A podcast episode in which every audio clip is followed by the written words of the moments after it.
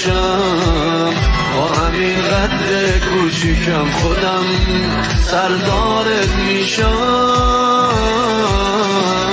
سلام فرمانده سلام از این نسل غیور جامانده سلام فرمانده سید علی دهی نبدی هاشو فراخنده Salam fermandır.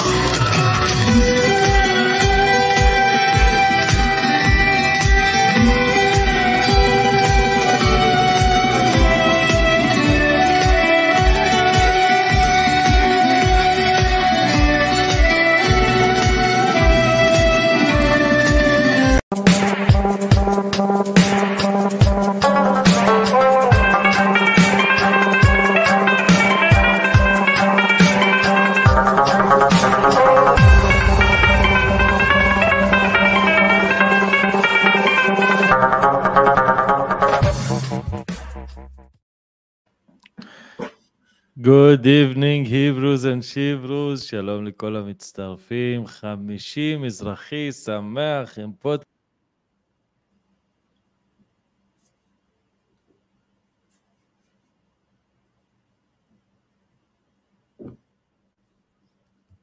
אוי, אה, אוהבתי מהשידור לשנייה. אתה שומע אותי? כן, כן, שומע אחי, כמובן, אני פה, אני פה. כן. טוב, נקווה שזה לא יעשה לי את הצרות האלה יותר. אה, שמע, זה שיר ממכר, אבל לפני שניגע בסלאם פרמנדה, שלום, ערב טוב, אלעד בן אחדות היקר, מה שלומך, איך אתה? אני, אה, אני בסדר גמור, אה, תשמע, האמת היא, איראן וכדומה, חומייני באופן ספציפי, נושאים שאני מודה שאני אה, אה, פחות אה, נוגע בהם בהתעסקות שלי בסוגיות המזרח התיכון וכדומה, אבל היה מבחינתי אתגר אה, להתכונן לשידור הזה וכדומה, הכרה עם הרבה דברים שהיו חדשים עבורי, סיפורים חדשים ששמעתי לראשונה, אז אני שמח לבוא הנה אה, ולהנגיש את מה שאני יודע. אז הכל סבבה בגדול. איזה כיף. שמע, אנחנו לא עלינו לשידור שבוע שעבר בגלל סיבות טכניות כאלה ואחרים, החיים עצמם, מה שנקרא. כן, אה, ואני, שמע, זה חסר לי כל כך. גם השיחה גם הדיון איתך, גם המפגש, גם המפגש עם כל הקהל המהמם שלנו, ש... שאין, זה כאילו הופך להיות הפינה המועדפת עליי בשבוע, והשבוע באמת יש לנו נושא שהוא ממש ממש חם לדעתי. אה, אני לא יודע אם אתה יודע, אבל היה תקופה שאני הייתי מרצה לכל מיני אה, מוסדות, לצבא, חניכים לפני הצבא, מכינות ודברים כאלה. אה, ותמיד בניתי איזושהי הרצאה כזאת שקראתי לה מדריך הטרמפיסט למזרח התיכון, מעזה לטהרן ובדרך חזרה, וככל שלמדתי יותר והתעמקתי בנושא הזה, הבנתי עד כמה אה, האירוע הכי משמעותי תכלס שהיה פה במזרח התיכון זה המהפכה האסלאמית הזאת, כאילו אנחנו הישראלים חיים בקונספציה 1948, הקמת מדינת ישראל זה, זה מגה אירוע כזה, אבל בלי, בלי, בלי להשוות, אבל לדעתי ה-79 זה פשוט רעידת אדמה משוגעת בכל המזרח התיכון, וזה קרה בגלל איש אפור מאוד יבש שהצליח להשתלט על מדינה שלמה בלי לראות ברובה פעם אחת, כאילו זה, זה משוגע. אה, אז אני אנסה היום יחד איתך אה, להבין איך זה קרה, מה הדינמיקה ש, שהתרחשה פה, אבל לפני הכל, חברים, האלגוריתם של, אה, של פייסבוק ושל יוטיוב ושל מה שלא תגידו, לא ממש אוהב אותנו. אה, אותי, אותי, שאנחנו... לא, אותי אני יכול להגיד בוודאות שהוא לא אוהב, אז אתם יודעים מה אתם צריכים לעשות. כן, הוא, הוא גם מעניש אותנו על זה שאנחנו חברים של אדם אטיאס ושל יריב המר, ושאנחנו לא כזה אוהבים צנזורה, ואנחנו לא אנשים עם עניבות שבאים אומרים לכם ערב טוב, הנה החדשות, ומשכנעים אתכם להכניס חומרים לגוף ולקנות דברים, אז אנחנו בלי בעלי מאה ובלי בעלי דעה. אז לייקים, לייקים, לייקים זה תמיד uh, יתקבל בברכה. תגובות זה עוד יותר, ממש כיף לנו לקרוא את התגובות שלכם, ועכשיו... גם שיתופים. חברים, שיתופים, תפיצו את זה, איפה שאתם רוצים, תפיצו. בדיוק. כן, ותהיו שותפים uh, לדיון שלנו, ואחרי שאמרנו את הדבר הזה, הערב יש לנו, מי, מי האיש שאנחנו מתעסקים איתו היום, תכלס, אלעד? בוא, מה, מה יש לך לספר לנו על, ה, על אייתולlah? האייתולה אה, חומייני. אה, היה אה, בראש ובראשונה מלומד איסלאמי, תיאורטיקן איסלאמי שלמעשה לקח את האסלאם הפוליטי והפך אותו למעשה, שכלל את התפיסה שלו, כי מה שבא ואומר, האייתולה חומייני אה, זה דבר כזה. הוא אומר, התפיסה שלו, שלא אנשי הדת, אוקיי, אנשי הממסד הדתי, חכמי ההלכה, הם לא צריכים להיות רק במעמד של כאלה שעומדים מאחורי הקלעים ומטכסים עצה לפוליטיקאים, אלא הם צריכים להיות הפוליטיקאים. אנשי הממסד הדתי הם הממסד המדיני.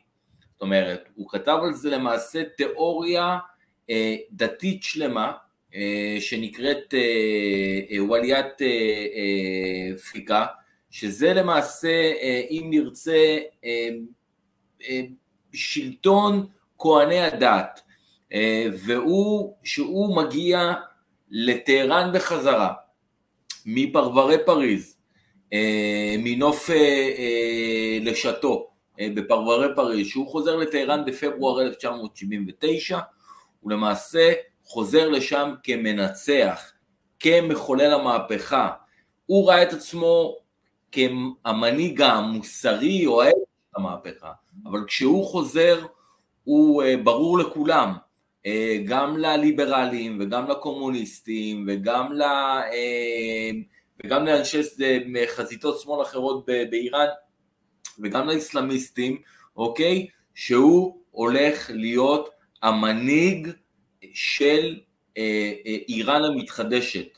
זאת שבאה, זאת אומרת, כחלופה לשלטון המסואב, המושחת, המלוכני, של השאה, של מוחמד רזה פלאווי, וזה הבן אדם. שמע, אני זוכר, תכל'ס זה עדיין מצחיק שקרטר עדיין בחיים ועדיין מקשקש, אבל האיש הזה עמד ב-79, חצי שנה לפני שהמהפכה האיראנית התחוללה, והוא בא ואמר שאיראן והשלטון של רזה פהלוי, כמו שאמרת, השאה, הם מגדלור של מערביות במזרח התיכון. זאת אומרת, איראן הייתה אה, איזו ידידה ממש טובה של ישראל, של המערב, של זה. אז אולי באמת כדאי, לפני שנגיע לפילוסופיה של, אה, של חומייני, לדבר קצת על, על איראן מבחינה, מבחינה פוליטית, מה זה השלטון של השאה, אה, מה הוא מייצג, ו, ואיך כאילו, מה, מה לא עבד לו שם, כאילו איך, איך חומייני גנב לו את השלטון ככה בקלות, או איך הוא עשה את זה תכלס. אוקיי. Okay. מה שקורה, בית המלוכה הפלאווי, הוא בדומה להמון בתי מלוכה אחרים, הוא סובל מסיוב אה, ומשחיתות. אה, תוסיף לזה שהוא אה, מחזיק שירות חשאי, את הסבק, נורא אכזרי, שעוסק בדיכוי של האוכלוסייה. גם כביכול ב, ב, במדינה שהיא כאילו פניה היו מה שנקרא מופנות מערבה, אה, ועם כל חזון ההתמערבות של איראן, היא עדיין הייתה דיקטטורה מזרח תיכונית, אכזרית למדי, אה, שהתעמרה באוכלוסייה. אה, וכמובן, השאה עצמו סבל מ...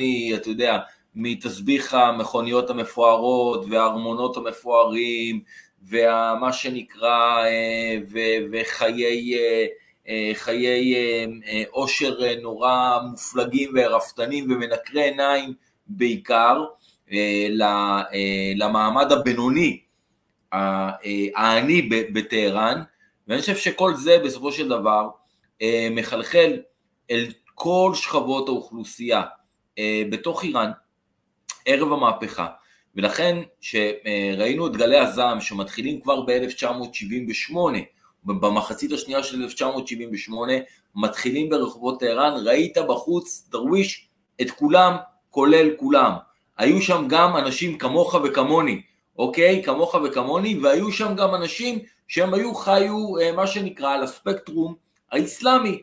זאת אומרת שהם היו מזוהים עם התפיסה, עם התפיסה התיאולוגית של, אה, של חומייני. אז היה, זאת אומרת, גם אנשים כמוני וכמוך, וגם אנשים, זאת אומרת, דתיים מאוד, שהם בסופו של דבר רצו בירידת ירידת השעה. והיו, אתה יודע, היו קריאות, ככל שהלכה המהפכה או המחאות, יותר נכון, ברחובות טהרן, ברחובות איראן, ככל שהיא הלכה וגברה, חומייני, לא ברור אם הוא נתן את ההכשר אה, מה שנקרא להתיר את דמו של השאה, הכשר ממש הלכתי, כאילו, כלומר הוציא פתווה על העניין הזה, אה, וכמו שהוא הוציא אה, שנים אחר כך פתווה על סולימאן רושדי שכתב את פסוקי השטן ב-1988,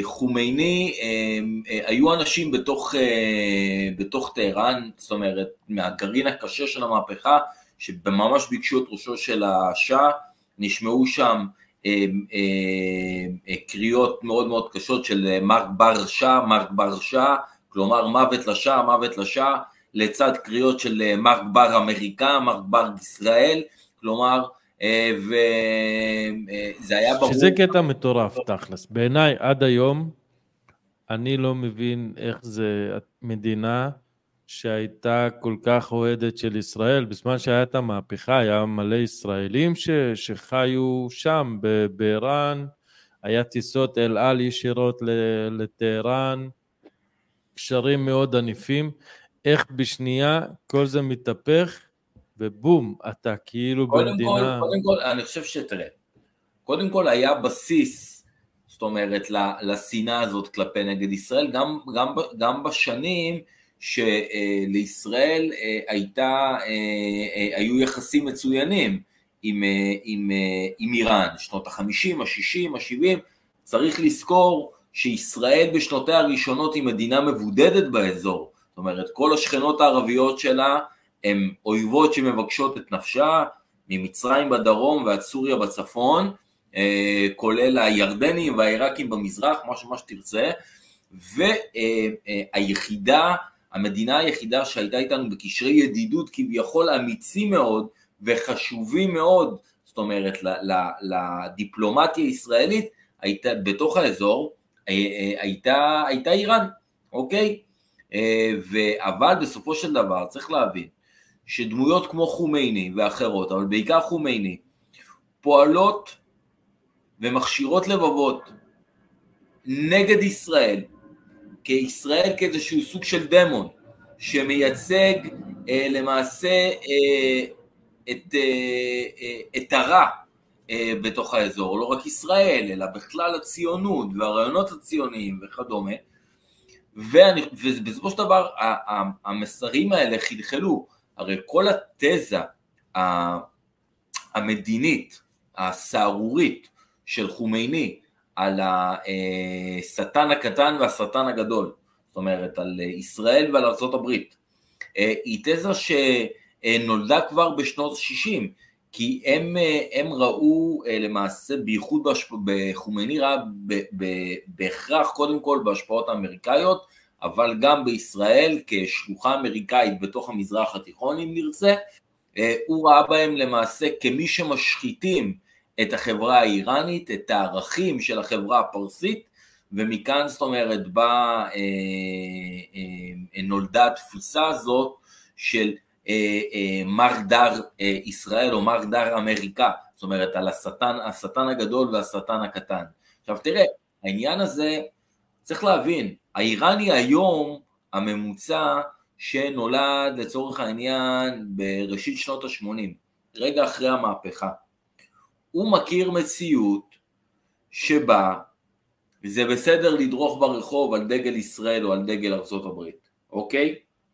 וזה, אתה יודע, הרבה פעמים זה מגיע למצבים של אבסורד, יכולים לשבת בתיאטרון, בסדר? אני לך דוגמה, איראני יכול לשבת בתיאטרון, הוא רואה הצגה, הוא מאוד נרגש מההצגה, אוקיי? הוא מאוד נרגש. איך הוא מבטא את ההתרגשות שלו?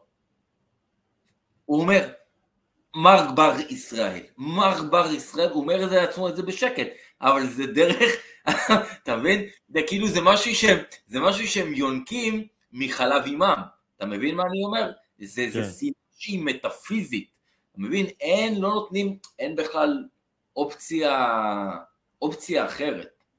אה, גם, תראה, גם אנשים שעד המהפכה היו בקשרים עם ישראל, גורמים בתוך הסב"כ, גורמים בכירים בתוך הצבא האיראני, אנשים שהיו בקשר עם דיפלומטים ישראלים בתוך טהרן, אתה מבין? אה, שהיה להם אה, קשרי ידידות אמיצים עם ישראל. האנשים האלה נכנעים עם שובו של, של חומייני, מקבלים למעשה את ההכרה שהוא הולך להיות המנהיג, משתחווים אפיים ארצה ומפנים את הגב לישראלים ולכל מה שהם הכירו. כל הסיפור משתנה שם בן רגע. כן, זה, אני זוכר גם שפעם ראיתי פרסומות של אה, איך איראן אה, הייתה לפני המהפכה, או נגיד אה, תוכניות ספורט, כושר, דברים כאלה. היית הולך לים, רואה נשים בביקיני, גברים שעם ה... אמנם זה אופנת שנות ה-70 כזה, עם ה... בטלפון, כן. אה, לא, אני מדבר על התוכניות כושר. היה איזה פעם, איזה תופעה כזאת ביוטיוב לדעתי, של איזה בחור כזה, של סרטוני ספורט, שהוא היה כזה עם מכנסי טייץ ממש צמודים ובחורות צבעוניות מאחוריו. היה שם איזה משהו מאוד מצחיק, אבל כאילו שהמדינה הזאת הייתה אה, מונהגת על ידי השאה, שהוא בן אדם שלמד בשוויץ, אם אני זוכר נכון, הוא למד איפשהו במערב, ברזה פהלוי, נכון? השעה התחנך במערב, אני חושב שזה, אתה יודע, בסופו של דבר, אבא שלו,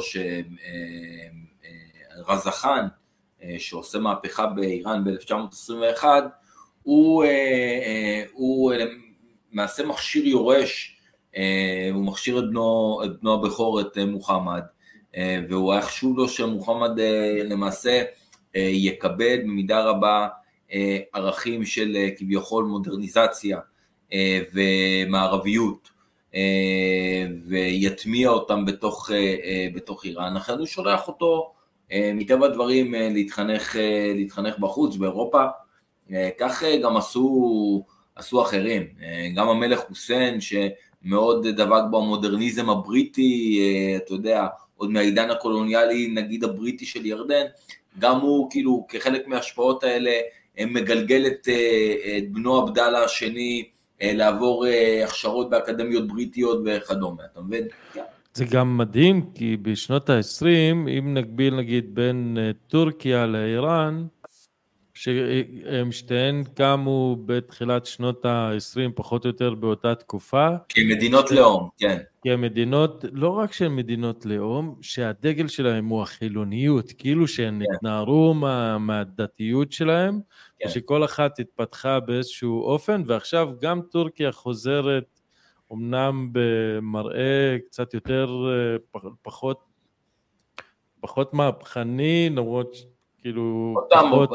ופחות, ופחות שמרני גם, האסלאם בטורקיה, אומנם יש שם אסלאם פוליטי, אבל הוא פחות אה, בועט מהאסלאם הפוליטי בתוך איראן, אה, וכן, וכמו שאתה אומר, שניהם פחות או יותר באותה תקופה, ראשית שנות ה-20, גם אטאטור, גם, אה, גם רזחן, חולו שם מהפכות חילוניות, עם חוקות מה שנקרא מערביות וכדומה. אבל זה לא היה גרנטי לזה שהמדינות האלה, אתה יודע, לא יעברו מהפכות, מהפכות מקיפות, מהפכות אסלאמיות שישנו את פני המקום, את פני המדינה. מבחינה הזאת נכון, איראן וטורקיה הן מאוד דומות. מה, מה עוד אפשר, מה עוד אפשר, תראה, לגבי חומייני, עוד בצעירותו, כן, עוד בצעירותו, אה, הוא היה אה, ריאקציונר מאוד מאוד גדול של המהפכה החילונית באיראן, אה, והוא יוצא חוצץ נגדה, הוא כותב אי אלו גילויי דעת, גם נגד רזה חאן, ורזה חאן יוצא לגלות בתקופת מלחמת העולם השנייה ב-1941, אחרי ההשתלטות של הבריטים והרוסים על איראן, ובמקומו ממונה, ממונה בנו, ואז כאילו חומייני מכאן ואילך ממשיך את המאבק האידיאולוגי, זאת אומרת, מה שהוא התחיל במאבק, זאת אומרת, נגד האבא, הוא ממשיך נגד הבן. צריך להבין, חומייני אה, שנים רצה לפרוץ את הדרך אל אה, נתיבי השלטון באיראן, אוקיי? אה, לקח לו הרבה מאוד זמן לעשות את זה, הוא צריך להבין, חומייני מגיע לשלטון מאוד זקן, הוא מגיע כגבר בסוף שנות ה-70 לחייו, הוא יליד 1902, הוא מגיע לשלטון ב-79, כלומר הוא מגיע לשלטון בגיל 77, הוא כבר מגיע אדם מבוגר, זקן, כנראה לא 100% גם על קו הבריאות כבר, אה, אבל הוא אה, מגיע ועם אה, אמונה של רבים בצדקת הדרך שלו. מה שהבן אדם הזה הצליח לחולל בשנותיו בגולה, החל מ-64 פחות או יותר, אה, שהאיראנים הבינו שהבן אדם הזה אה, הוא אסון, אז הם הגלו אותו החוצה, אה, ורוב שנות הגלות שלו הוא מבלה בעיראק, ואיפה בעיראק? בתור שיעי? כמובן בנג'ף, שם הוא הופך להיות למעשה אחד מהמטיפים המרכזיים של מסגד, של מסגד האימאם חוסיין, של האימאם עלי בנג'ף, והוא אה, אה, אה, דרך הדרשות שהוא מעביר באופן תדיר במסגד בנג'ף ומגייס סביבו למעשה קבוצות תומכים מאוד מאוד גדולות, גם של, גם של טלב, יעני גם של תלמידים וגם של מולות, אוקיי? הוא מצליח לבסס בסיס תמיכה, וכמובן עוד כלי שדרכו הוא מפיץ את הרעיונות שלו זה הקלטה של קלטות, שהקלטות האלה מועברות לטהרן ומופצות בקרב המונים, הוא מצליח להפיץ את הרעיונות שלו, ואתה יודע, זה מה שמדהים בחומייני, המהפכה שלו נמדדת, קודם כל, אני חושב אה, בפשטות של המסרים שהוא העביר לציבור הרחב, שהוא מסרים נורא קליטים, נורא פשוטים, ופה הגאוניות שלו, הוא לא דיבר גבוהות גבוהות חומייני. חומייני היה בסופו של דבר איש של העם, הוא איש שהגיע מהפריפריה האיראנית, מהאזור של חומיין, דרומית, דרומית אה, לטהרן, ומעבר לזה, עוד עניין אחד נוסף, זה העובדה שהוא לא סימן את עצמו בתור המנהיג של המהפכה, הוא לא הכריז על עצמו שהוא, לצורך העניין, הולך להושיע את האיראנים והוא הולך להיות המנהיג הבא שלהם, לא, הוא שמר על איזושהי עמימות והוא גם גרם לחשוב, זאת אומרת, להמון שותפים בתוך, ימ, בתוך, בתוך המחאה, בתוך המהפכה, כמו הקומוניסטים וכמו אה, קבוצות ליברליים אה, אה, אחרות שפעלו בתוך, בתוך איראן, שגם להם יש סיכוי להגיע לשלטון וכדומה, אבל אה, בסופו של דבר, אה, מה שנקרא, כשהוא שב, כמו שאמרתי, בפברואר 1979 לטהרן, הוא שב, כ, הוא שב כמנצח. אגב, תראה, השלטון של השאה, שבימי המהפכה, בימי המהפכה שהתחילה ב-78 כבר לא היה על קו הבריאות, הוא היה אדם חולה, הוא היה לו קשה מאוד להתמודד עם האנרגיות ש, של הרחוב, אה, עם האנרגיות אה, אה, של המהפכנים, והוא כאקט של איזושהי התנגדות, הוא פונה לממשל בעיראק של אחמד חסן אל-בכר ושל נאם אל-ראיס סדאם חוסיין, והוא בסופו של דבר מבקש להגלות את חומייני מנג'ף, ממה שנקרא מגבולות, מגבולות עיראק, והוא למעשה מקבל מקלט מדיני בצרפת. בצרפת, מקבל מקלט מדיני בצרפת, וזה מדהים שהבינו שהבן אדם הזה והרעיונות שלו וכוח ההשפעה שלו, כי ראו את העליות לרגל, לבית שלו, בנוף, אה, בנוף השאטו ליד פריז, אוקיי? אה, אה, שראו את העליות לרגל, ואנשים שבאו לעשות איתו תפילות המוניות וכדומה, באו, אה, פנו אה, למעשה הגורמים אה, דיפלומטיים צרפתים בשליחות, בשליחות מוסד הנשיאות, גורמים של משרד החוץ הצרפתי, ואמרו, אוקיי, אמרו לשעה, אם אתה רוצה, אתה, יש לכם אפשרות לבצע חיסול של חומייני על אדמת פריז, אוקיי? לפני שהוא יבוא אליכם הביתה, על אדמת פריז, אצלנו זה יעבור בשקט, לא נגיד שום דבר. עד כדי כך. וואו. כדי... כן. אתה יודע... והסיפור ב... הזה, ומה ההסתעפות שלו? שאנשי הסב"כ פונים לשלוחה של המוסד בטהרן, ואומרים לשלוחה של המוסד בטהרן, אנחנו רוצים שאתם תבצעו את החיסול של חומני בתוך פריז. ואז ראש השלוחה אה, של המוסד ערב המהפכה, אה, או כבר בימי המהפכה, אה, מה שנקרא גייזי צפריר, גייזי, פונה למטה, המטה אומרים לו, אין סיכוי, אנחנו לא הולכים לחסל מנהיג שהוא לא זה, ו...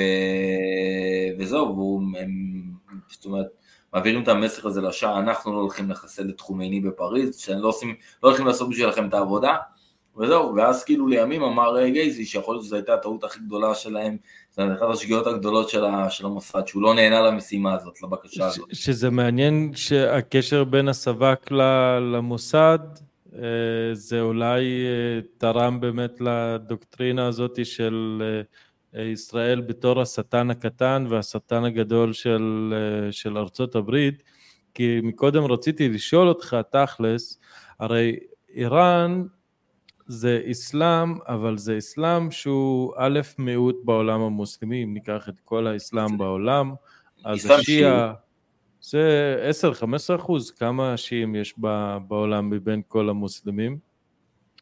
אז uh, רציתי לשאול אותך באמת תכלס השנאה לישראל עד כמה היא אמיתית או נטו בשביל לבוא להגיד לעולם המוסלמי uh, אל תסתכלו עליי כאילו אני זר, הנה אני שונא את ישראל וכאילו בוא נתאחד נגד איזשהו יריב משותף ואז אנשים לא ישימו לב שאני שיעי ואתה סוני כאילו.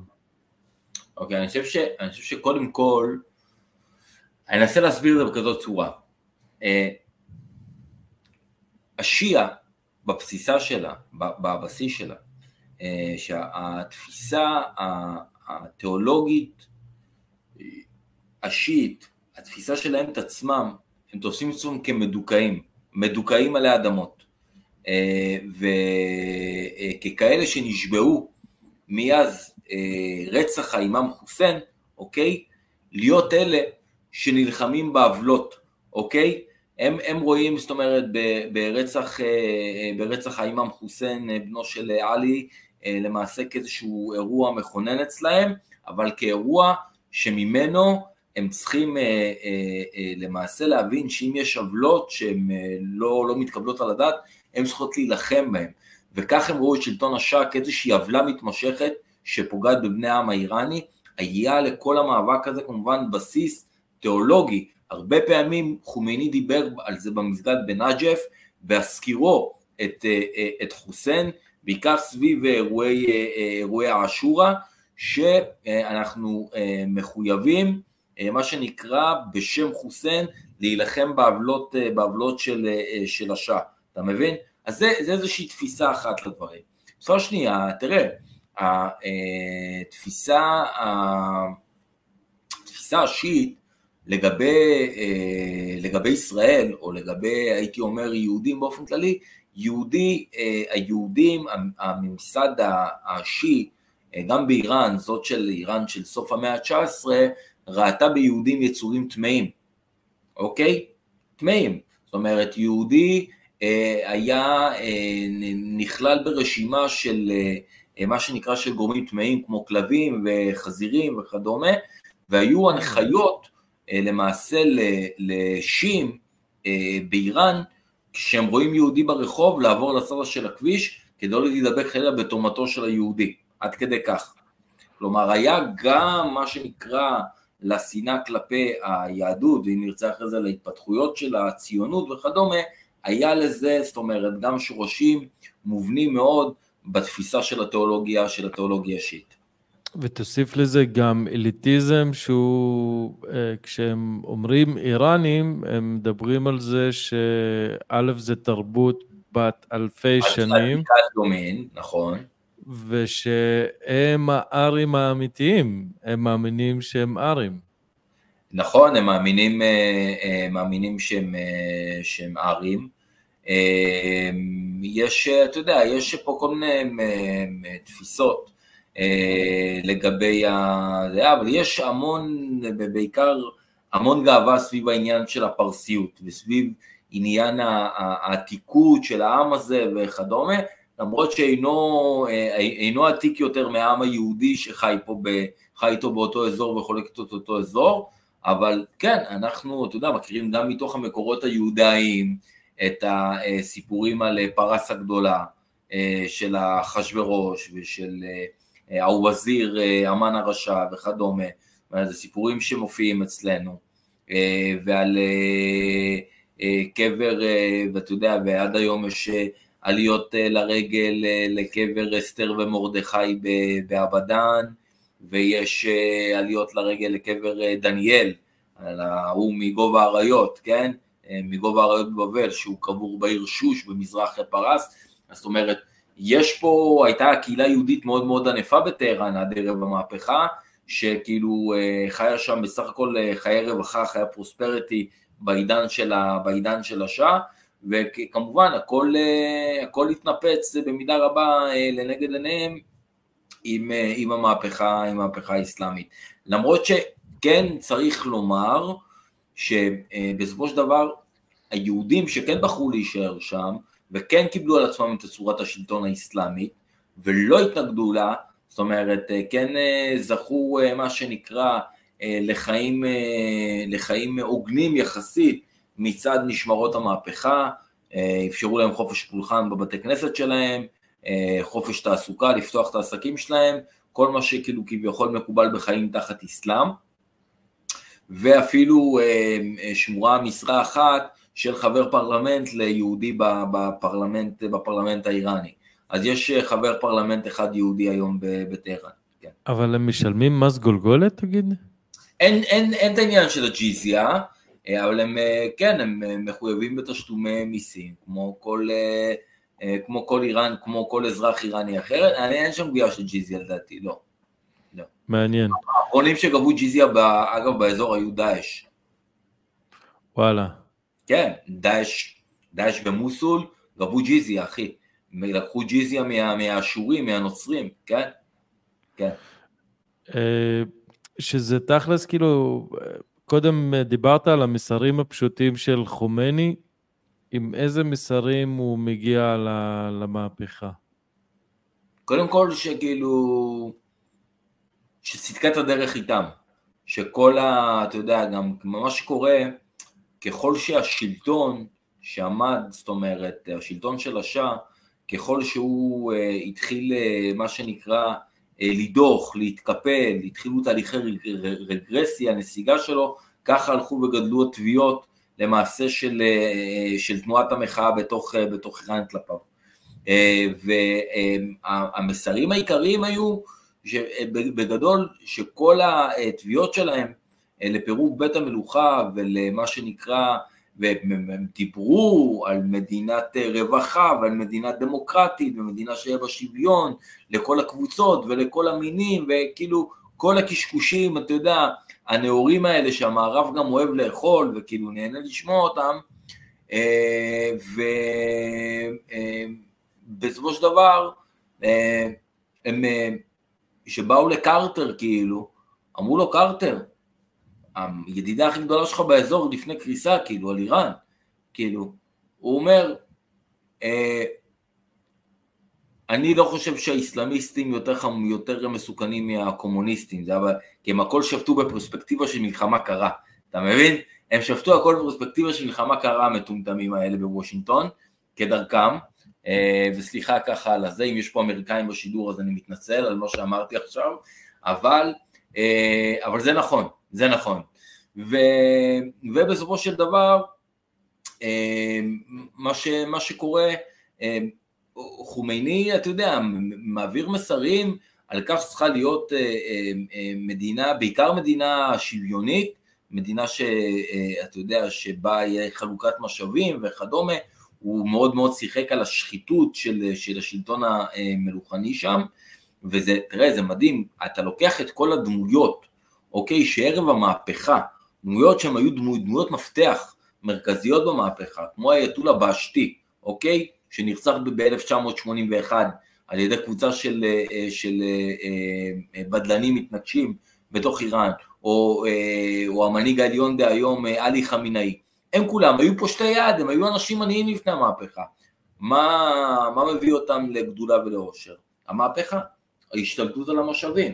וגם חוסר הנכונות שלהם אחרי השתלטות על המשאבים, לחלוק את המשאבים באופן הוגן עם, עם שאר הציבורים בתוך איראן, אתה מבין? הם לא באמת פתרו את הבעיות האקוטיות שהיו בתקופת השעה, אתה מבין? של ציבורים מדוכאים, עניים וכדומה.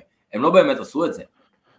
אבל העוצמה של הדבר הזה, תכלס למוסלמי, לא משנה באיזה מדינה באותה תקופה, עולם האסלאם נמצא במקום הרבה יותר נחות מהמערב לצורך העניין, אה, ששנים של קולוניאליזם ודיכוי ולא יודע, אה, שגם המדינות המערביות ניסו להנחיל את המודל של מדינה ריבונית על עולם האסלאם, וזה יצר איזשהו כזה זהות לא ברורה של, ה, של המדינות ששאלו את עצמם תכלס איזה מדינה אנחנו, כמו מצרים, כמו טורקיה, כמו אה, כל מיני כאלה, טוניסיה, כל, מרוקו, כל המדינות האלה.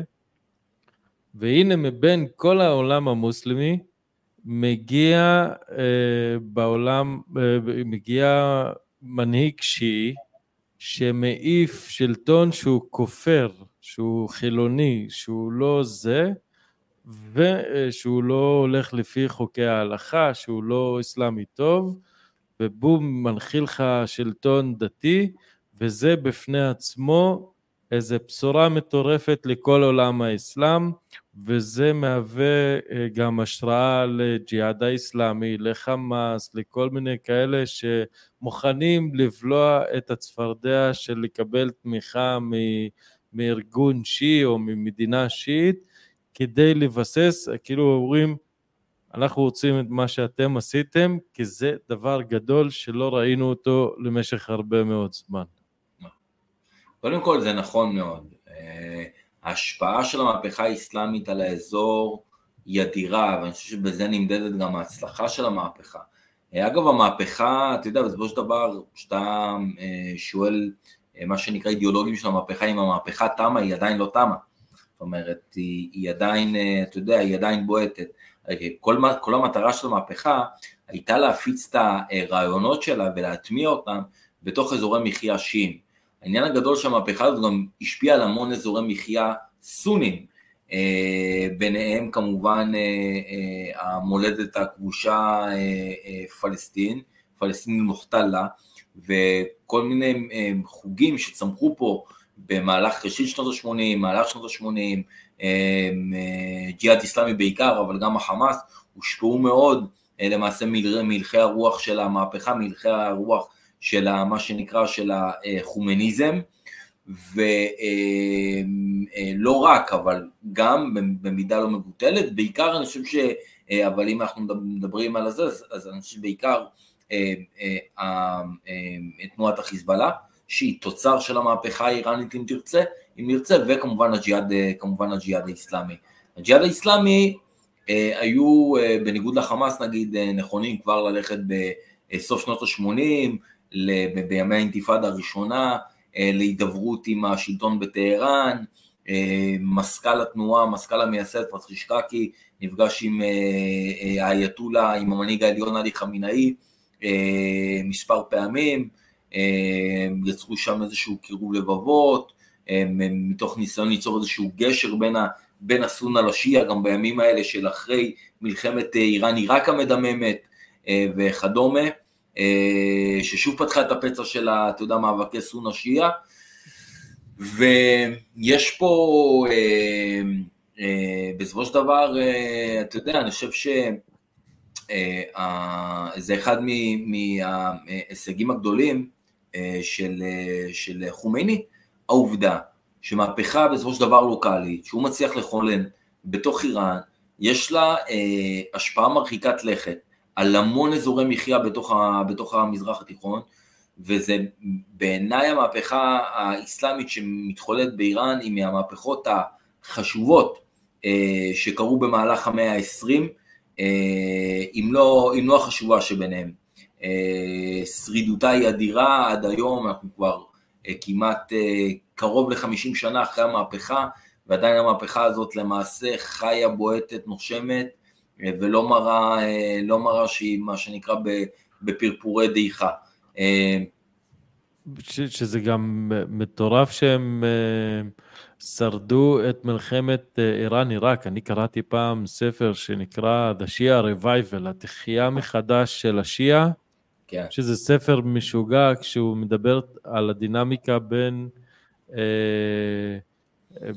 כאילו של המדינה ושל אה, משמרות המהפכה, שפתאום ספקית הנשק הכי גדולה שלהם הייתה ארצות הברית, והצבא שלהם והקצינים שלהם וכל מוסדות השלטון תכלס היו מתוארים, כי אחרי שהם השתלטו על המדינה היו צריכים להבריח גנרלים שהיו צריכים לברוח ולקלוא וכאילו לעשות תיאורים מטורפים של הצבא ודווקא מהמקום הפגיע הזה שאין להם נשק ואין להם צבא מיומן סדאם מחליט uh, לתקוף אותם והם איכשהו מצליחים להתגבר על זה בדרכים לא דרכים, שזה משוגע בפני עצמו. אני, אני חושב שאתה יודע, אני חושב שגם, כשאתה מסתכל על מהפכה באיראן,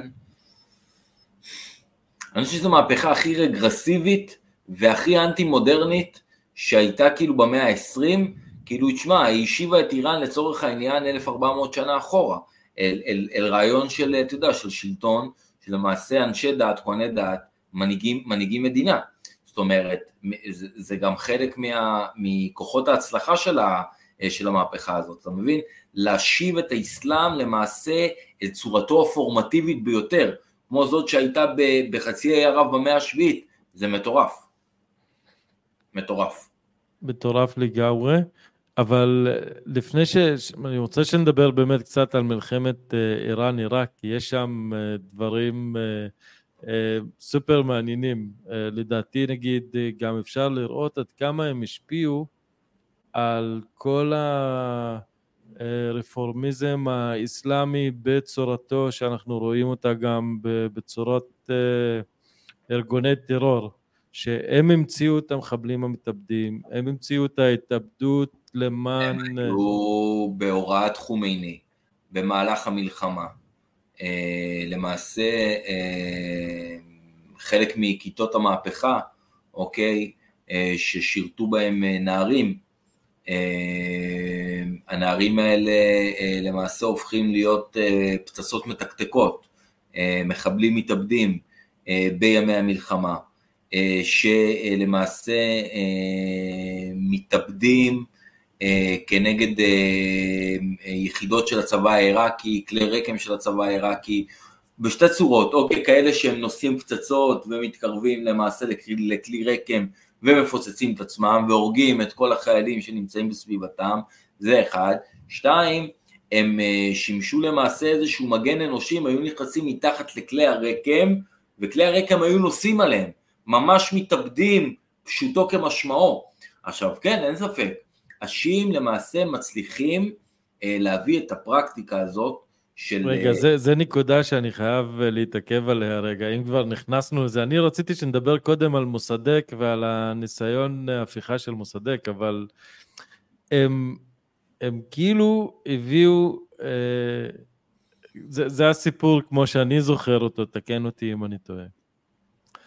הם, היה להם צבא שלא היה בו כוח אדם, אז הקימו מה שנקרא אה, בסיז', כי היה גם בסיז', אה, כן.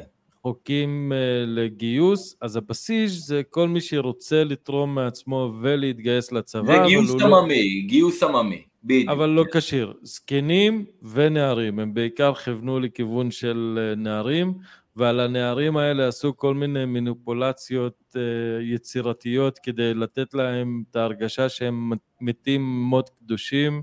נתנו להם מפתח אה, פלסטיק מזהב ששמו אותו, שזה כאילו המפתח לגן עדן. כן, מפתחות שהם רכשו מסין בארבע שקל בערך, כן, משהו כזה. כן. נראה לי ארבע סנט אפילו. כאילו, ארבע סנט, כן, בדיוק. האנשים האלה אה, נשבעו אחר כך באימונים שלהם, הם כאילו לא היה להם נשק. אז בגלל שלא היה להם נשק, אחת מהאסטרטגיות שלהם הייתה של תרוצו בשדה מוקשים כדי לפנות אותו. תרוצו לכיוון אה, טנקים, תזרקו את עצמכם מתחת לטנק כדי שהנהג טנק העיראקי באיזשהו שלב יגיד, וואלה, אני לא יכול לדרוס יותר בני אדם, כאילו, זה משוגע מה שקורה פה, וזה פשוט עבד להם, כאילו, זה כן. משוגע. פסיכי. פסיכי לגמרי. ושהשלטון, כן, השלטון גם שכר כל מיני שחקנים uh, מקצוענים שייכנסו לאוהלים שלהם בלילה מחופשים ללבן כדי שהם ירגישו שהאימאם עלי או מישהו נכנס להם באמצע הלילה ואמר להם, אתם תמותו מות קדושים.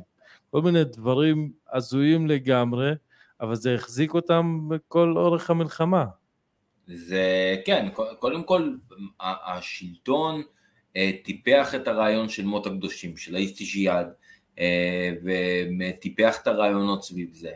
אה, ואין ספק שבסופו של דבר, אתה יודע, אז אולי זה לא יעבוד על כולם, אבל זה מספיק שזה עבד על, אה, אה, על אפילו על קבוצות, קבוצות מיעוט מבין המגויסים, והיו, תראה, היו בסופו של דבר ממש ממש, שאחרי שהעניין הזה עובר תהליך של פיתוח, פיתוח של תשתית, היו ממש יחידות מתאבדים של משמרות המהפכה, אוקיי? שפעלו מה שנקרא לצידו של, של הצבא האיראני, וזה היה, וזה היה מטורף. קודם כל, אני חושב שגם כל סיפור המלחמה, בגלל שהייתה פלישה של עיראק לתוך איראן, אז הייתה קודם כל קריאה נרגשת של חומני, זאת אומרת לעם עצמו לצאת ולהגן על, ה, להגן על ארצו, להגן על אדמתו.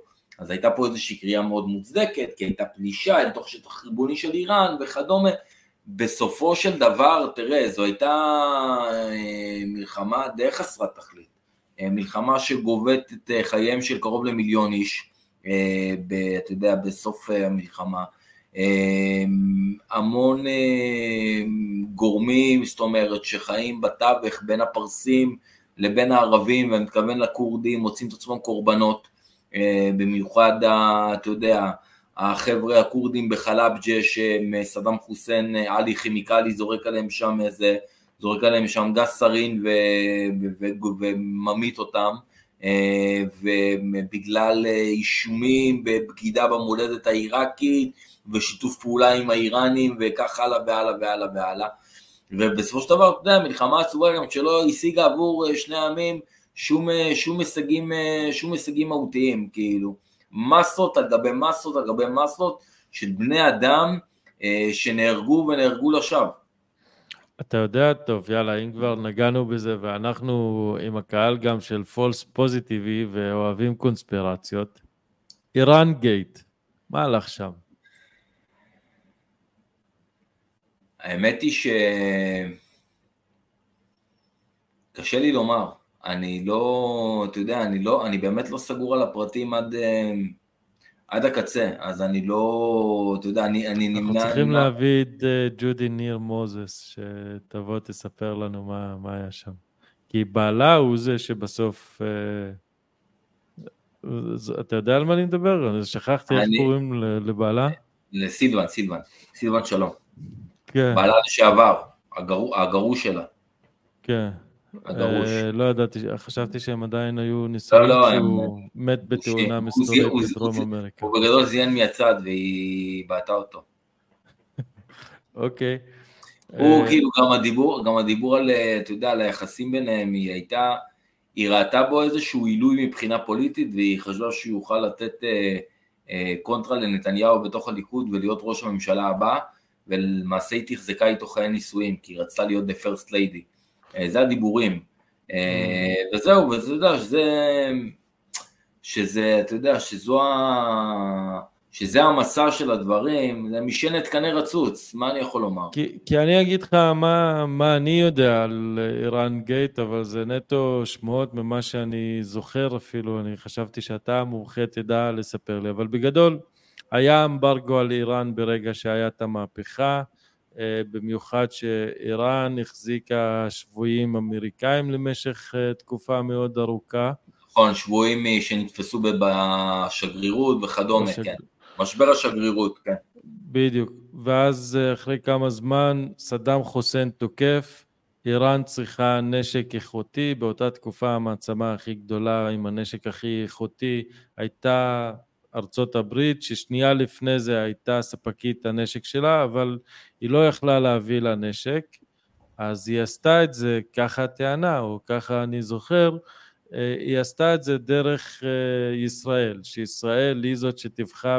אה, בעסקאות נשק בדרום אמריקה, שלמעשה איראן קנתה נשק מישראל באיזה עסקאות, לא עסקאות, שכאילו ישראל קנתה עבור איראן, ושזה העבירו את זה, לא יודע, לא, שם, זה, בשביל זה שאלתי אותך, כי רציתי לדעת... אני, תראה, מה... מה, שאתה, מה שאתה מספר עכשיו, אני, אני, זה מה שאני מכיר, אני לא מכיר יותר מזה. אז אוקיי? אני זוכר היו ש... עסק, היו עסקאות נשק, היו עסקאות נשק. אם זו השאלה, תקשיב, זה לא משהו שהוא מונפץ, מומצא וכדומה. גם, זאת אומרת, אני אומר, ב-1982, אחרי שכבר היה ניתוק יחסים רשמי בין ישראל לבין, אה, לבין שלטון המהפכה באיראן, אה, אה, לא היו, לא היו יחסים, אבל היו עסקאות נשק, שתמכו למעשה במאבק הצבאי האיראני כנגד עיראק של סדאם חוסיין. ומה שאני זוכר, שבאירוע חטיפה בהר דוב, שהתחיל את מלחמת, לא, בהר דוב היה בשנת... בהר דוב היה בספטמבר 2000, כן. בספטמבר 2000, הושאר שם מאג, שהמאג הזה היה מאג שהיה חלק מהעסקאות נשק האלה, שישראל מכרה נשק אה, לאיראן, אבל כן. זה כל מה שאני יודע עד עכשיו. זה, זהו, זה, את הפרט הזה אני כבר לא מכיר.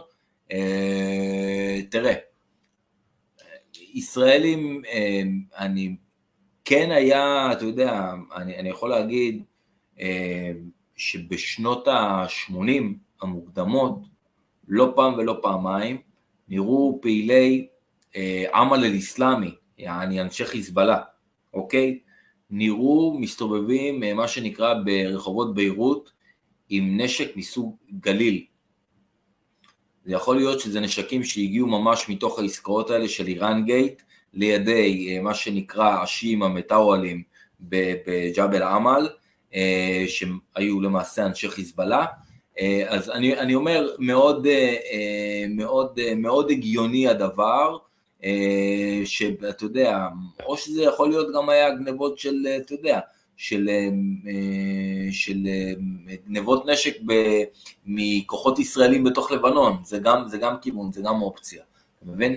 כן, כן, כן, כן אנחנו יודעים, זאת אומרת, לומר בוודאות שהתמיכה של איראן המהפכנית בארגון החיזבאללה, למעשה מתחילה כבר ב-1982, ראשית 83 אם נרצה, אמ, יש גם כניסה של 1,500 אנשי, אה, אה, אה, אנשי משמרות מהפכה, יועצי מלחמה שלהם, שנכנסים כדי לסייע בבניית ארגון החיזבאללה תוך כדי ימי מלחמת האזרחים, ויכול להיות שזה היה כרוך גם בהעברה של גם מימון וגם, וגם, של, וגם של נשק.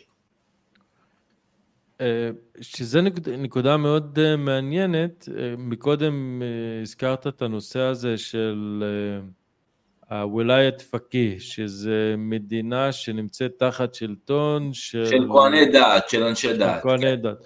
עכשיו, מי שמכיר קצת פילוסופיה, זה ממש מזכיר את המלך הפילוסוף של אפלטון, שאמר שמי שצריך לעמוד בראש המדינה, זה צריך להיות איזשהו חכם, שכבר עבר כברת דרך מאוד ארוכה בלרכוש את הכלים הנחוצים כדי שיהיה מנהיג ושנכתיר לנו מנהיגים פילוסופיים ושהם ינהלו את הרפובליקה שלנו. אה, חומני פשוט שינה את זה שאמר במקום שזה פילוסוף אה, חילוני, שזה יהיה פשוט פילוסוף דתי שיבוא ויטיף אה, בענייני הדת, אבל העניין הוא ש... לא, העניין, העניין זה, זה נבע בראש ובראשונה, קודם כל חומייני מצליח להטמיע את התפיסה של שלטון כהן הדעת, של הווליית פקי, בגלל הדמות שלו, אוקיי? דמות של בן אדם שהוא היה אה, מה שנקרא סוג של סקפן, שחי חיי אה, פרישות כמעט, אה, מעולם, אה, מעולמות החומר, לא היה לו תסביכי מודר, מודרניזם, תסביכי מכוניות מפוארות ובתים מפוארים, הוא בן אדם שחי כל חייו בצניעות רבה, אה, וזה משהו שקנה המון תומכים, המון אנשים שראו בו דמות מאוד אה, זה, מאוד אה, ישרה, במקום של ניקיון כפיים, ודבר, ודבר נוסף, לשיטתו של חומייני, לא צריכה להיות למעשה הפרדה בין, בין דת למדינה. דת ומדינה בתפיסה של חומייני דרים יחדיו, זאת אומרת תחת אותו כפיפה, והאסלאם חי גם בכפיפה אחת לא רק עם, ה, עם רעיונות המדינה, אלא גם עם רעיונות של מדע ועם רעיונות של תרבות ועם כל מה שאתה יכול לחשוב עליו.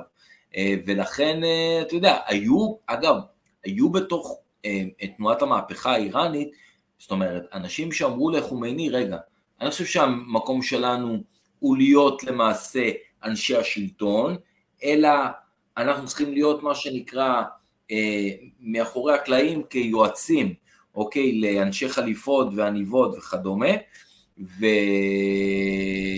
אה, ואז כאילו אה, חומייני אמר להם, לא, אה, אני משנה את...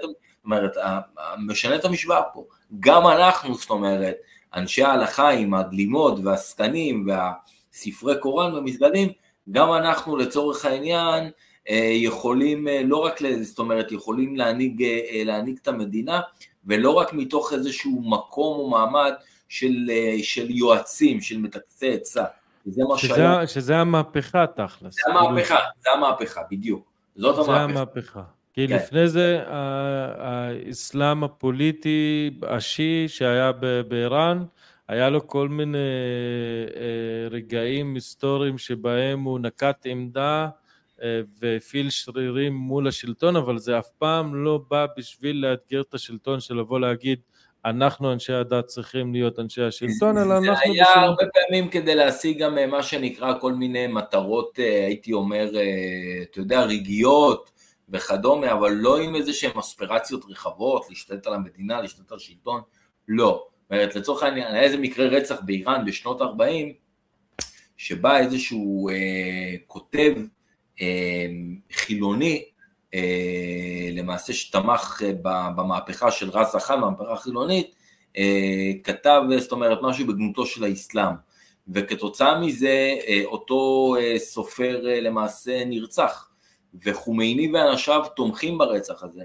וחומייני הולך ומפעיל לחץ על השאה, פעם ראשונה שהוא יפגוש את השאה בחייו, את, למעשה את מוחמד רזה פלאווי, אה, והוא, אה, אה, והוא לצורך העניין ילחץ על מוחמד רזה פלאווי לחנון, לתת חנינה לאותו רוצח, רוצח בשם אימאמי, מה שנקרא לחנון אותו, והשאה נהנה לחומייני וכונן אותו. כלומר, השיעים, זאת אומרת אנשי הממסד הדתי, הפעילו לצורך העניין לחצים זאת אומרת, במקומות מאוד מאוד מסוימים שהם נראים להם, אתה יודע, באותו, באותו רגע, באותו עת חשובים. עכשיו, מעבר לזה, צריך להבין, בעידן של השעה, לאנשי הממסד הדתי, למולות עם התלמידים, במדרסות וכדומה, הם לא היה להם באמת השפעה בחיי המדינה, הם לא היו חלק מהמארג של חיי המדינה, הם היו די מודרים, צריך לומר את זה. וזה גם אחד, אחד לדעתי אחד הטריגרים שמייצר תסכול מאוד מאוד גדול אצל חומייני, שיוצא חוצץ, לפחות החל מתחילת שנות ה-60, נגד, נגד השלטון, אתה מבין? מה שמביא לה, להגליה שלו הראשונה וכדומה, כן.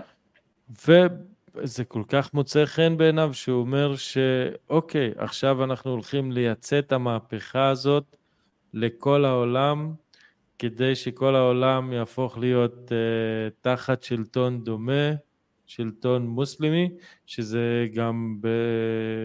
מתאפיין בהקמה של חיזבאללה, כי אם אני זוכר נכון, איראן ומשמרות המהפכה מגיעות ללבנון, לארגון אמל, אומרים לו, יאללה, עכשיו תורכם בלבנון, יש פה אוכלוסייה שיעית, אפשר לעשות uh, פייסט למה שעשינו שם, ו- ואמל אומר להם, חבר'ה, אתם איראנים, אנחנו לבנונים, אנחנו אולי חולקים אותה דת, אבל זה פחות מתאים לנו, אז הם, אה, האיראנים מקימים את חיזבאללה על הראש של אמל, כדי לאתגר כאילו. מה שקורה, תראה, אני, אני אגיד לך מה, בגדול אמל, אה, תנועה שהוקמה ב, בלבנון אה, בראשית מלחמת האזרחים פחות או יותר, סביב שנת 75-76, כאשר המייסד היה נביה ברי, תנועה שגם נתנה איזשהו, הייתי אומר, קונטרה פוליטית אה, לאימאם מוסא אל-סאדר, מי שהיה המנהיג הבלתי מעורר של השיעים בתוך לבנון בשנות ה-70, אז עם ההקמה של, אה, אה, למרות ש... תראה, זה, זה, זה סבוך, כי בסופו של דבר מוסא אל-סאדר הוא למעשה נמנה כמנהיג הראשון של אמל, וכאילו אחריו, אחרי שהוא, מה שנקרא, מוצא את מותו בלוב אצל, אצל קדאפי, אוקיי? אה, או נעלם אצל, בביתו של קדאפי, אז מי שלמעשה אה, נושא במשרה אחריו היה נביה ברי. עכשיו, היה בתוך אמל אגף של אנשים שהיו נאמני דרכו של מוסא אל-סאדר, שביניהם היה אחד הפעילים הצעירים שנמנה אז אה, בתוך התנועה, היה חסן נסראללה. אוקיי, חסן נסראללה, עבאס מוסאווי ואחרים, הם, הם, החבר'ה האלה הם, היו על שני אגפים, אגף אחד חילוני, אוקיי? הנאמנים של נביה ברי, ואגף אחד שמרני, מהנאמנים של רעיונות מוסא אל-סאדר, אוקיי? ושני אה, האגפים האלה חווים תהליך של היפרדות, ובעזרת המון, הרבה מאוד כסף איראני, אוקיי? למעשה גם, אתה יודע, עוד בתקופה של לצורך העניין, אה, אה, חסן נסראללה היה פעיל עמל, הוא אמר, החזון הוא חזון המהפכה האסלאמית, לשם צריך לשאוף. ואז שמגיעים אנשי משמרות המהפכה אל תוך לבנון, ב-82, אה, עם הרבה רעיונות, עם הרבה רצון לתת כסף וכדומה, חלה היפרדות מוחלטת, רשמית, תנועת החיזבאללה מוקמת, למרות שפעילי התנועה שמסתובבים בביירות בשנת 83 ואפילו 84, בימי מה שנקרא הפיטנה הקטנה, הפיטנה בתוך הקהילה השיעית במלחמת האזרחים בלבנון, הם לא כינו את עצמם עדיין אנשי חיזבאללה, הם כינו את עצמם אנשי אה, חיז, חיזבאל איסלאמי, ככה הם קוראים לעצמם. הם היו עושים כל מיני מחסומים בשכונות הדרומיות של ביירות, אה, באזור הדחיה, היו עושים שם מה שנקרא אה, כל מיני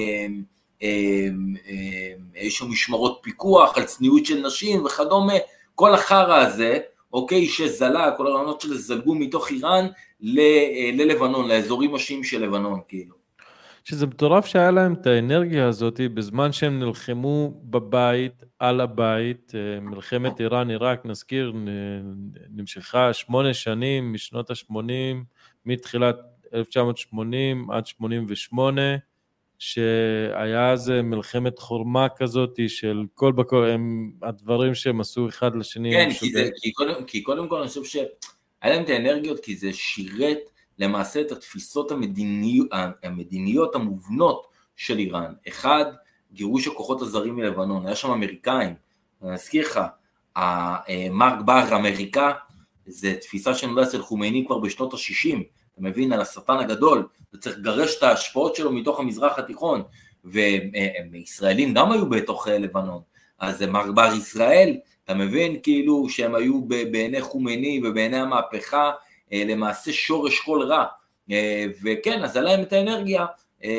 להפיץ את המהפכה כלפי חוץ, נכון, זה היה, זאת אומרת, כנראה אירוע מורכב תוך כדי ימי מלחמה מאוד סוערת עם, עם עיראק של, של סדאם חוסיין, אבל הם עשו את זה. מטורף.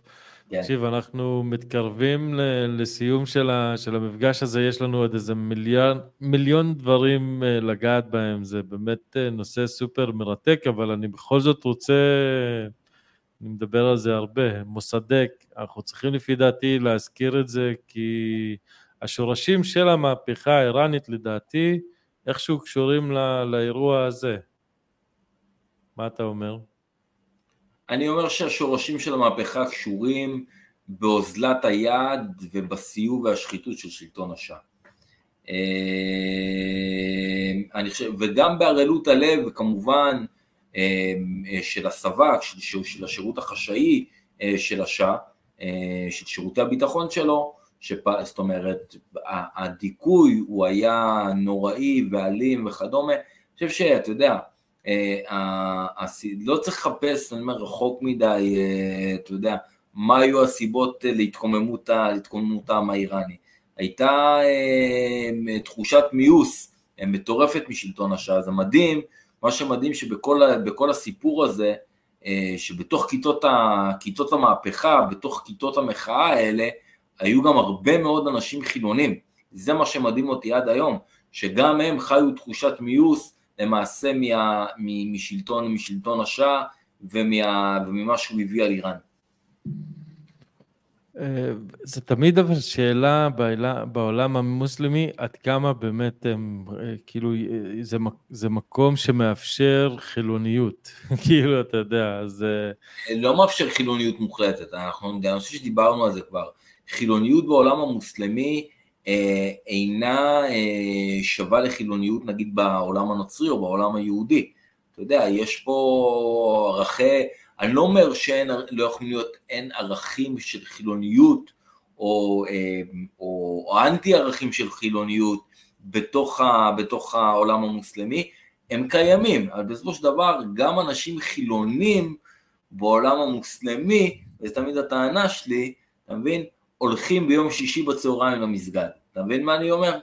כן, בגלל זה אנחנו מקבלים את האספירציה הזאת של אה, לחיות במקום שהוא תחת שלטון אה, מוסלמי באיזשהו שלב. נגיד, בוא רגע, בוא נעשה זה. בחור, נגיד אצל הדרוזים, יש אה, איזושהי חלוקה דיכוטומית בין מה שנקרא בין העוקה לבין הג'וואל, נכון? Mm-hmm. בין החכמים לבין הבורים לצורך העניין, בין אלה שאינם דתיים, והאם, זאת אומרת, אתה בתור חילוני, הולך מפעם לפעם לחילווה, למקום התפילה כדי להתפלל? לא, נכון? לא. זה מאוד מוחלט אצלכם גם. דרוזים, חביבי, אין אמצע, או שאתה ככה או שאתה ככה. כן. חד משמעית, כן, אנחנו. אנחנו אה, עדה שהיא מאוד מאוד אה, חותכת, מאוד מאוד ברורה. ראוי, אני חושב שאנחנו צריכים לעשות פרק על הדרוזים מתישהו. אה, בשמחה רבה. כן. האמת שאני בטוח שאני אלמד ממך הרבה על זה. אה, הרבה מהפודקאסט שאני עשיתי, הוא התחיל משיחות שלי עם אבא שלי, אני לא יודע אם אתה יודע, שמעתי, החליפ, שמעתי מרד החליפים, התחיל מזה שאני עברתי איזשהו משבר בחיים, אז התחלתי לשאול את עצמי מי אני. אה, וגם אה, התחלתי להסתכל ממש ממש עמוק, כאילו אמרתי, וואלה, למדתי מזרחנות, עמדתי מול אנשים והצגתי את עצמי, אני דרוזי, אני זה, אני זה, אבל תכלס, מה אני יודע על הדרוזים, מה אני יודע על הדת שלי, מה אני יודע על המשפחה שלי, על ההיסטוריה שלי, על כל מה ש... שלקחתי כמובן מאליו, וככה התחלתי שיחות עם אבא שלי, הימים היו ימים של קורונה והיה פחד כזה של, אה אוקיי, אולי אה, מישהו מאיתנו ימות, אז יאללה בוא, בוא נספיק, ככה בכלל נולד הפודקאסט. אז אנחנו נעשה פרק על, ה, על הדרוזים, בהחלט. כן, בעזרת השם. בעזרת השם. אני, אה, אני אשמח, גם נעשה פרק על יהודים, לא שאני מבין משהו ביהדות, נעשה פרק על יהודים גם. כן. אה, טוב, אז נביא לנו מומחה... אנחנו, גם, גם, גם היהודים וגם הדרוזים זה קבוצות מיעוט בתוך המזרח התיכון, אחי, אתה יודע, זה... כן. כן, כן. לגמרי. נביא מומחה, מומחים ל, ליהודים ש, שידברו איתנו על יהודים, ומומחים לדרוזים שידברו איתנו על דרוזים, כי אני בטוח לא מומחה לדרוזים. כן, אני, אני, אני מביא אותך בתור מומחה.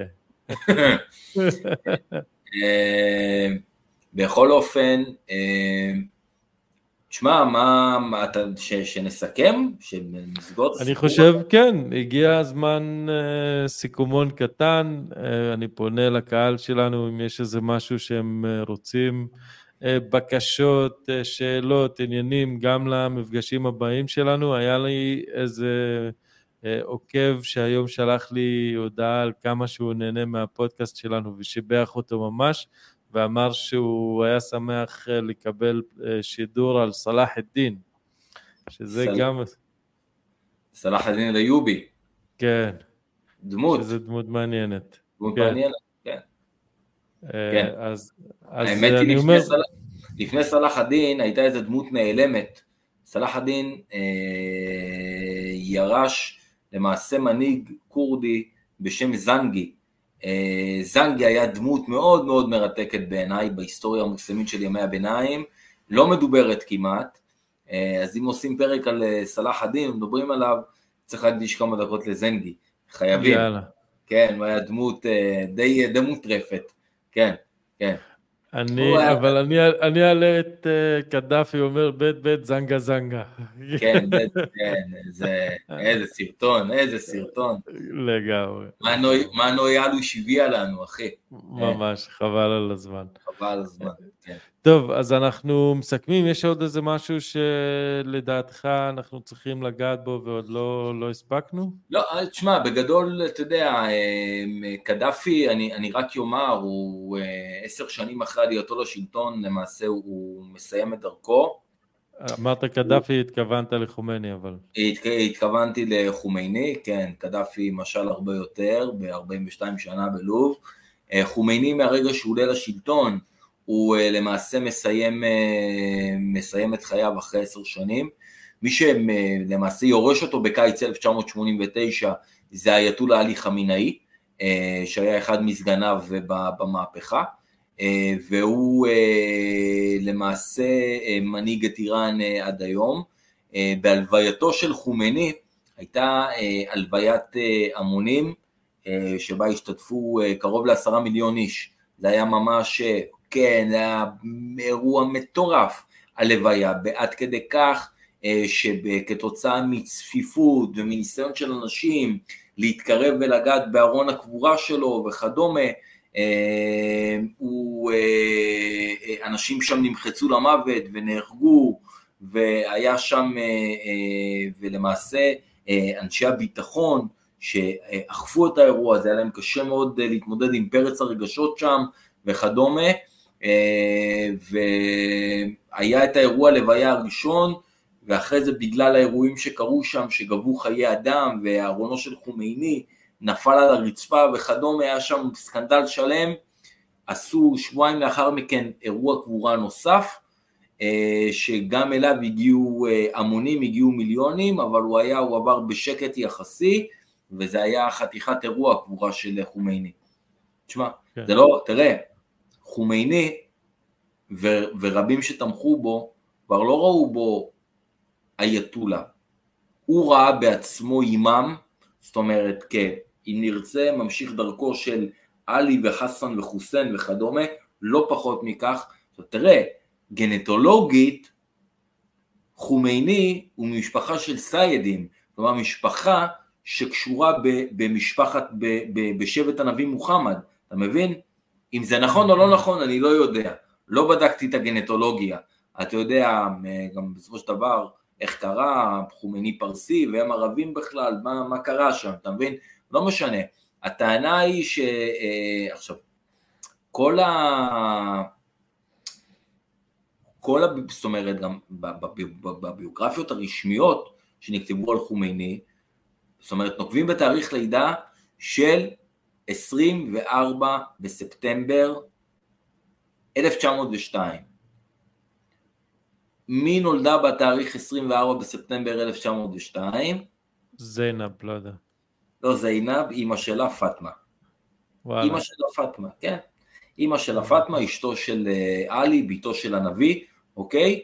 ומכאן, אה, אתה יודע, זה נתן פה, פתח את הצוהר לקדושתו גם של האדם, לעילה שיהיה סביבו, תאריך הלידה שלו, וגם העובדה שהוא אה, בגיל מאוד מאוד צעיר, למעשה מתייתם אה, מאביו, שנרצח שהוא היה עולל בין ארבעה חמישה חודשים, אה, נרצח באיזשהו סכסוך מקומי בחומיין, ואימא שלו שלא מצליחה לגדל אותו, והוא עובר לידיים של, אה, לידי אומנה שמגדלים אותו, ומכאן אמרו גם, תראו, זאת אומרת, כמה, כמה הילה יש סביב האיש, כי כשבוחנים את הביוגרפיה של הנביא מוחמד, גם הוא למעשה גידלו אותו, למעשה לא גידלו אותו רב, אלא גידל אותו דודו וכדומה וזה, אז מכאן נפתח הצוהר כמובן להשוואות האלה. אה, מתים על סמליות. מתים על הסמליות, מתים על זה, כן. מתים על זה, כן. כן, כן, מתים על הסמליות, כן. אין ספק. אני שונא את זה, אחי. וואי, כמה שאני שונא את זה. תשמע, יש משפט שאומר, אם אתה פטיש אז אתה רואה את כל העולם כמסמרים, אז אם אתה אה, רוחניק שמאמין באמונות תפילות, אז אתה תמצא כישורים שבכוח, במוח אתה תמצא את זה, אין מה לא, לעשות. לא, יש לי, יש לי גם כאלה אנשים במשפחה, ושאתה יודע, הם תמיד מתחילים בדיונים על הסמלי, זה מוציא אותי מדעתי, אני מודה. אני בורח... אה, זה טריגר, מה שנקרא. אני בורח מהשולחן כדי לא לקבל קריזה ולהתחיל לצעוק, לא, לא לאבד שליטה שם. כן. כן, טוב, אנחנו המזרחיים, אתה יודע, אתה יכול להוציא את הבדואי מהמדבר, אתה לא יכול להוציא את המדבר מהבדואי. לגמרי, אחי. אין כן. מה לעשות. ככה זה. טוב, יקירי, תענוג טהור, כיף. אני אה, החכמתי, השכלנו, אה, לפי דעתי היה לנו שידור מעולה. אנחנו נשים את אה, סלאם פרנדה נראה לי קוראים לשיר, שזה שלום המפקד. מילות לסיום, אלעד. שבוע טוב לכולם, כל מי שהיה איתנו בשידור הזה עד רגע זה, תודה רבה לכולם. רק טוב, המון בריאות. אמן, אמן, והנה סלאם פרמנדה שוב פעם כדי לסגור את השידור הזה, ותודה לכל מי שהיה איתנו, וכמובן שתפו גם את השידור, גם אותנו בשאלות, בתשובות, במה שבא לכם, כיף לנו תמיד לשמוע אתכם. יאללה, הנה השיר.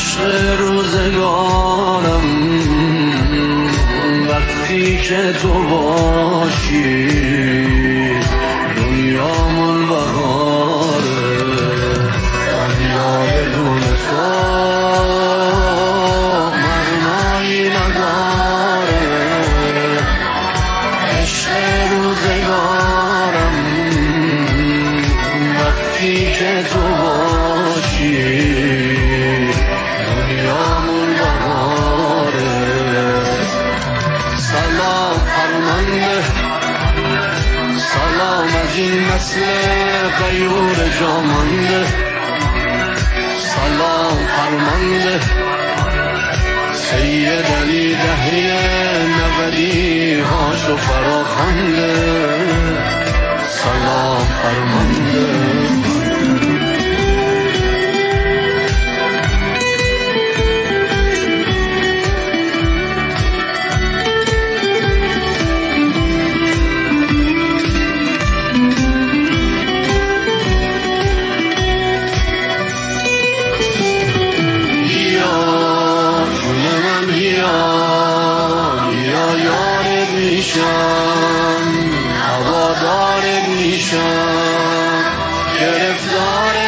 میشم. علی ابن مهدی یارت میشم.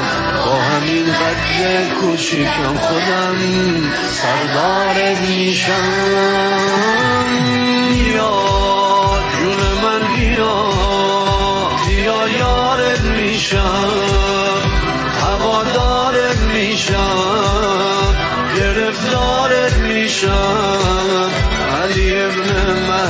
میاره پیشم. با همین قد کوچیکم خودم سردارت میشم. سلام فرمانده. سلام از این نسل قیور جامانده. سلام فرمانده. سید علی دهی نبدی هاشو فراخنده out of my.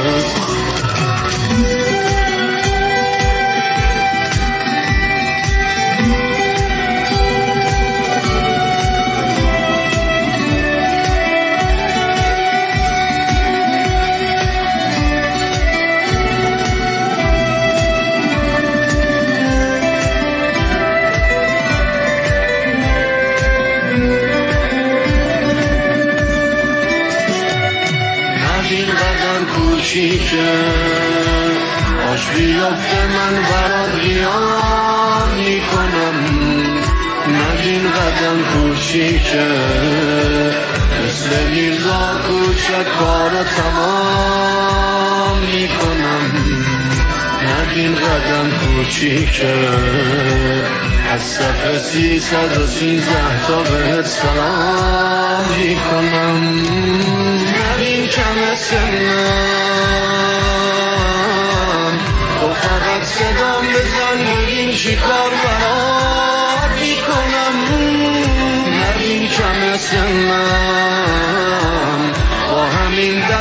کوچیکم همش داد می‌کنم. نبین کم سنم به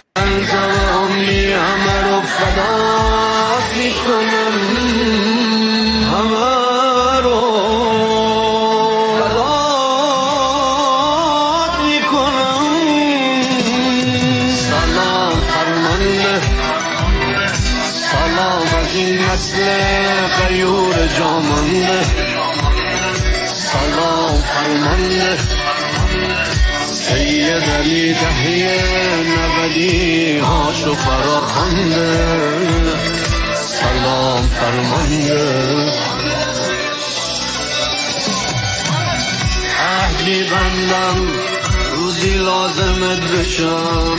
عهدی بندم حاج قاسمت بشم. مهدی بندم مثل بهجتو مثل سربازای گمنام. خادمت بشم بندم که میمونم پای کار این نظام کاشکی مثل حاج من به چشم تو بیام. من به چشم تو بیام. هزار و صد و ساله. همه عالم دنبال مهدیم غصه سرباز و نخور آقا. سربازات هزار و چهارصدی سلام فرمانده سلام از این نسل غیور جامانده سلام فرمانده علی دهه نبدی هاشو فراخنده. سلام فرمانده. سلام فرمانده.